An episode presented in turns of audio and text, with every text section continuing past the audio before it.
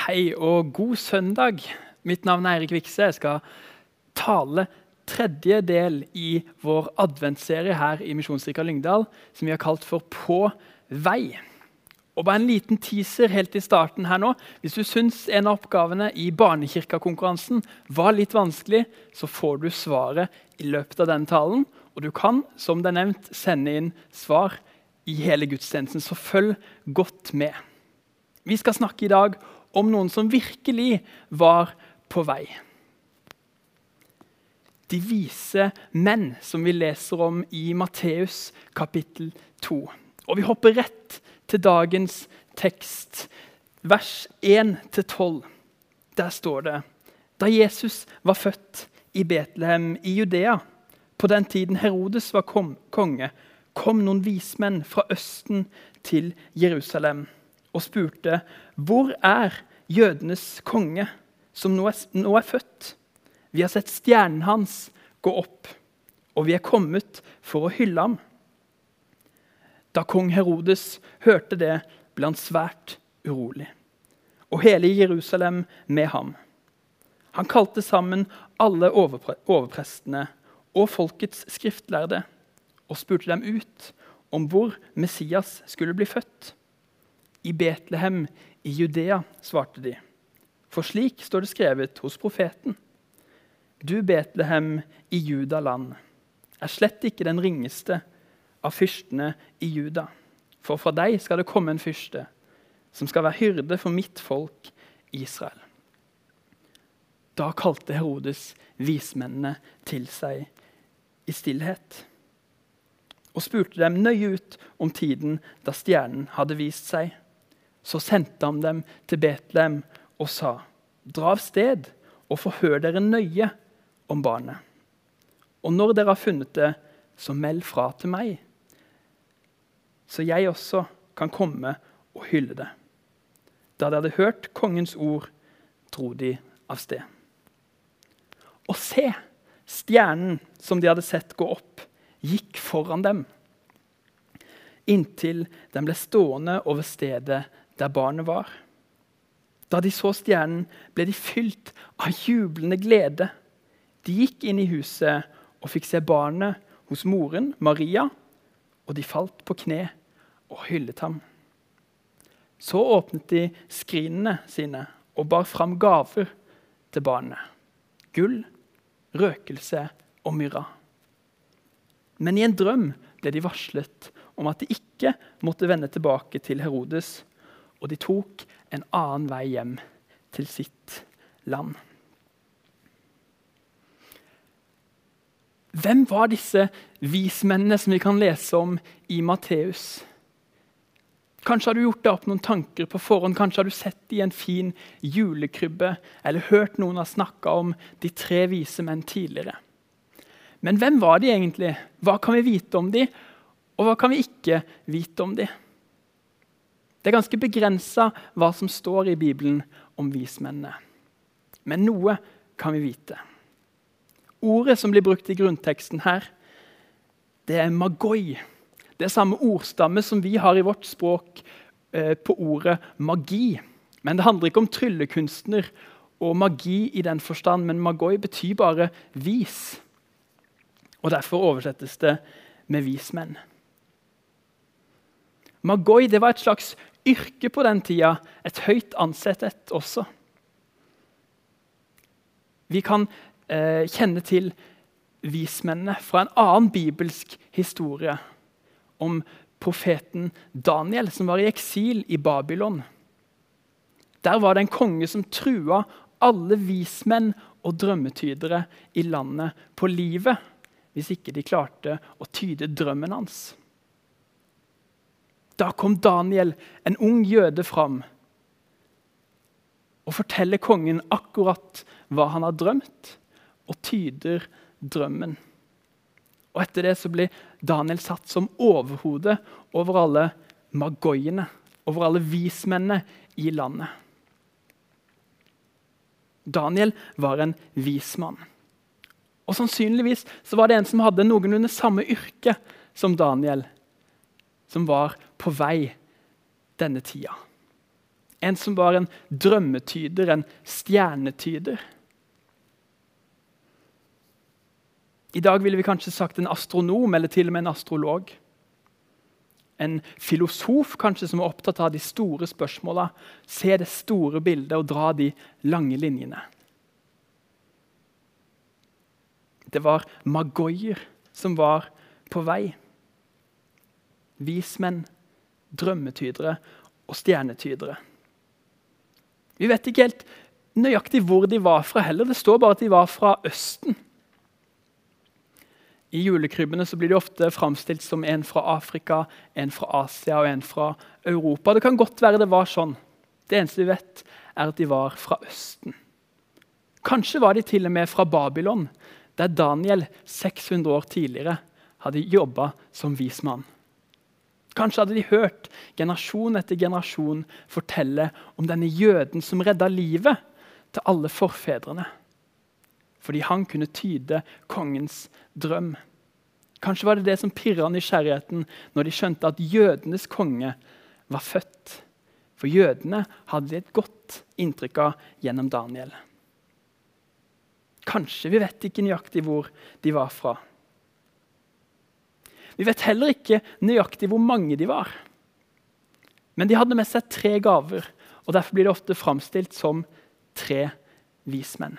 En som hadde med seg gull, en som hadde med seg røkelse, og en hadde med seg myrra. Og Så kan vi også forstå ut ifra teksten at dette var menn som var sannhetssøkende. Og når de oppdager en ny stjerne på himmelen,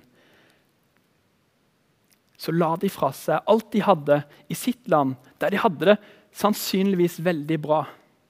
De var rike, velstående, hadde mye makt og mye penger. Men de søkte sannheten og la det fra seg for å legge ut på en lang vandring på vei mot Betlehem. For de hadde oppdaga denne stjernen. Og Vi skal snakke bare et lite minutt om denne stjerna her. For det var den som starta vandringa for vismennene. Og Jeg har undersøkt litt og funnet ut at astronomer faktisk er enige om at på denne tida når Jesus ble født, så var det flere litt spesielle, sjeldne himmelfenomener som kunne være den stjerna vismennene så. Annet har det av kinesiske astronomer blitt oppdaga en ny stjerne fem år før Kristus. Cirka da historikere har tenkt å regne tilbake på at Jesus egentlig har blitt født. En ny stjerne som lyste kraftig de første 70 dagene, før den avtok litt på merkelig vis. 70 dager som kan passe godt med vismennenes reise, som varte i litt mer enn to måneder, sannsynligvis litt avhengig av hvor de var fra. En annen teori, en ganske relevant teori, det er et uh, fenomen som, opp, som, skjer når planeten Jupiter Nå må jeg bare se i, i, manus her, så jeg sier riktig planeter. Planeten Jupiter og planeten Saturn er så nærme at fra jorda så ser det ut som én stor stjerne som lyser opp hele himmelen. Et fenomen vi faktisk i år, 21.12., neste mandag, kan se på himmelen for første gang på 800 år. Et ganske sjeldent fenomen, med andre ord. Men så har astronomer funnet ut at seks år før Kristus, også det innenfor det historikere regner som sannsynlig fødsel for Jesus, så skjedde nettopp dette. Jupiter og Saturn var så nærme hverandre at det så ut som én stor stjerne som lyste opp hele himmelen. Det er interessant å merke seg at det var noe der som vismennene fulgte. Mer enn bare det vi leser i Bibelen. Astronomer har også funnet ut at dette er sannsynlig at har skjedd. Nok om stjerna. Vi skal fokusere mer på gavene de hadde med seg nå. For det har jo blitt stilt spørsmålstegn ved hvor vise vismennene egentlig var For det er klart Når man bringer gull, røkelse og myrra til en nyfødt baby, så er ikke det akkurat nyttige gaver. Hadde det vært tre vise kvinner, så sies det at de hadde bringt talkum, tran og en pakke bleier. Ting en nybakt småbarnsfamilie definitivt trenger å ha bruk for. Og så kommer altså vismennene med gull, røkelse og myrra.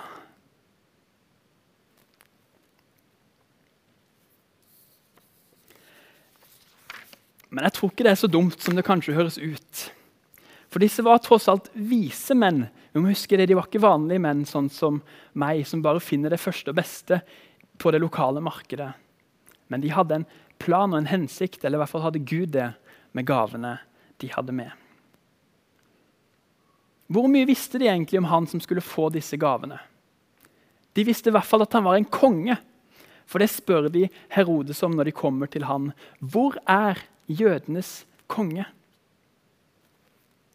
Og Derfor har de med gull.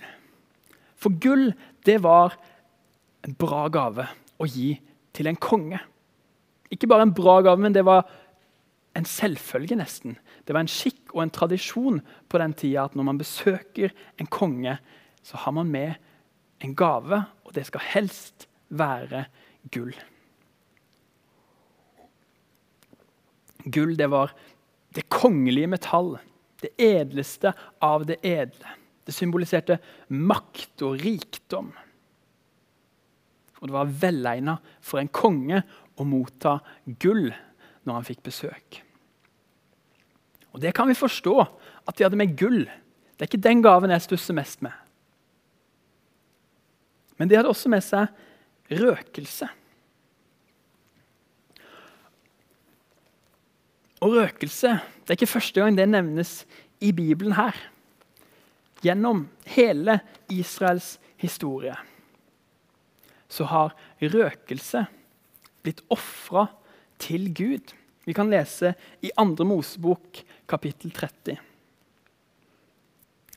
Gud som forteller Moses, vers 1.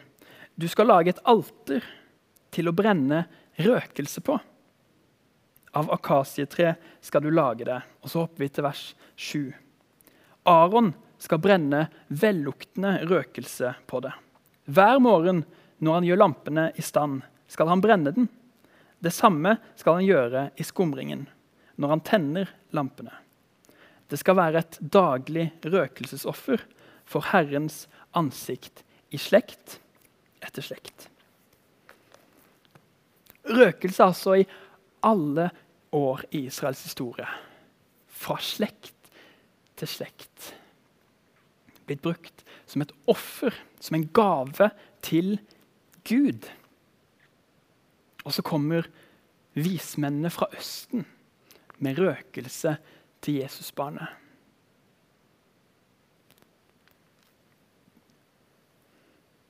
Og så har de med myrra. Nikodemus, en av de som levde på Jesu tid, en av de skriftlærde som kunne mye om Bibelen, en av de gode jødene. Han var med når Jesus ble gravlagt. Og vi leser i Johannes 19, vers 39. Også Nikodemus var der. Han kom til Jesus første gang han som kom til Jesus første gang om natten, han hadde med seg en blanding av myrra og aloe. Omkring 100 pund.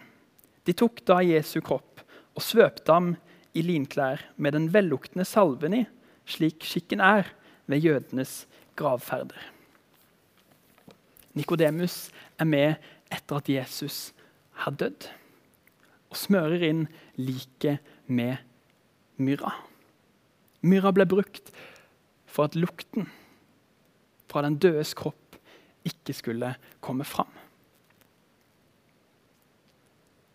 Jeg vet ikke hvor mye vismennene visste om han de var på vei til å besøke. De visste at han var en konge, men visste de også at han var Gud? visste de også at han var et offerlam. Visste de at gavene de hadde med, symboliserte Jesu liv og Jesu identitet som kongenes konge, verdig alt gull og all rikdom. Som Gud, Guds egen sønn, som kom ned til vår jord. Når de ga han røkelse, som han gir til Gud. Og visste de at Jesus, han de var på vei til å besøke, ble født for å dø. Som et offerlam. Som et dyr som blir slakta for at menneskenes synd skal slettes. Visste de hvem de var på vei til å møte? Jeg syns Trygve Skau sier det fint i en av sine andakter om de tre vise menn. Jeg skal lese et lite avsnitt derfra nå. De var stjernetydere med sans for vitenskap og himmelbilder. Og de var helt sikkert opptatt av å finne svarene på de store spørsmålene. De hadde sannsynligvis ikke hørt om Jesus. Plutselig kommer det noe svært på radaren deres som de bare må få sett. Så legger de i vei, disse smarte mennene. Stjernen de fulgte, hadde stanset på himmelen. Og der, rett under den, fant de det de ikke visste de lette etter. De hadde troa på å finne noe viktig, og det må man kunne si at de gjorde. Uten å ha noe som helst tro på forhånd, så blir de blant de første som finner Gudesønnen. Jeg liker å tro at det er fordi de leter uten å vite helt hva de leter etter. Jeg liker også å tenke at det kanskje var sånn at de bare kjente igjen et ekte lys når de så det. Vismennene er på en vandring på vei mot Jesus. De har med seg gaver som profeterer om hvem Jesus er. Men det er ikke sikkert de vet så mye sjøl. Jeg tror ikke de visste hvem de var på vei til å møte mens de var på vei. Men når de kom fram, så tror jeg ikke det var noen tvil om at her var kongenes konge. Her var Gud selv steget ned. Og her var verdens frelser som skal redde oss fra all synd.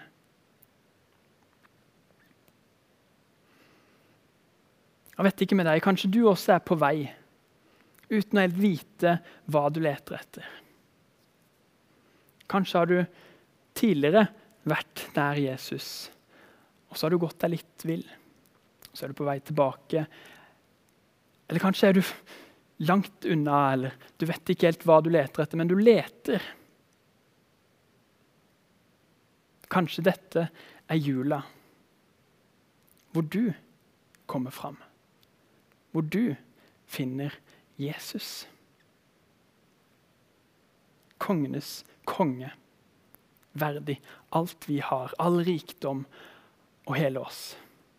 Guds sønn som kom ned til jorda, julemiraklet og verdens offerlam. Dø for din og min synd. Vi skal be.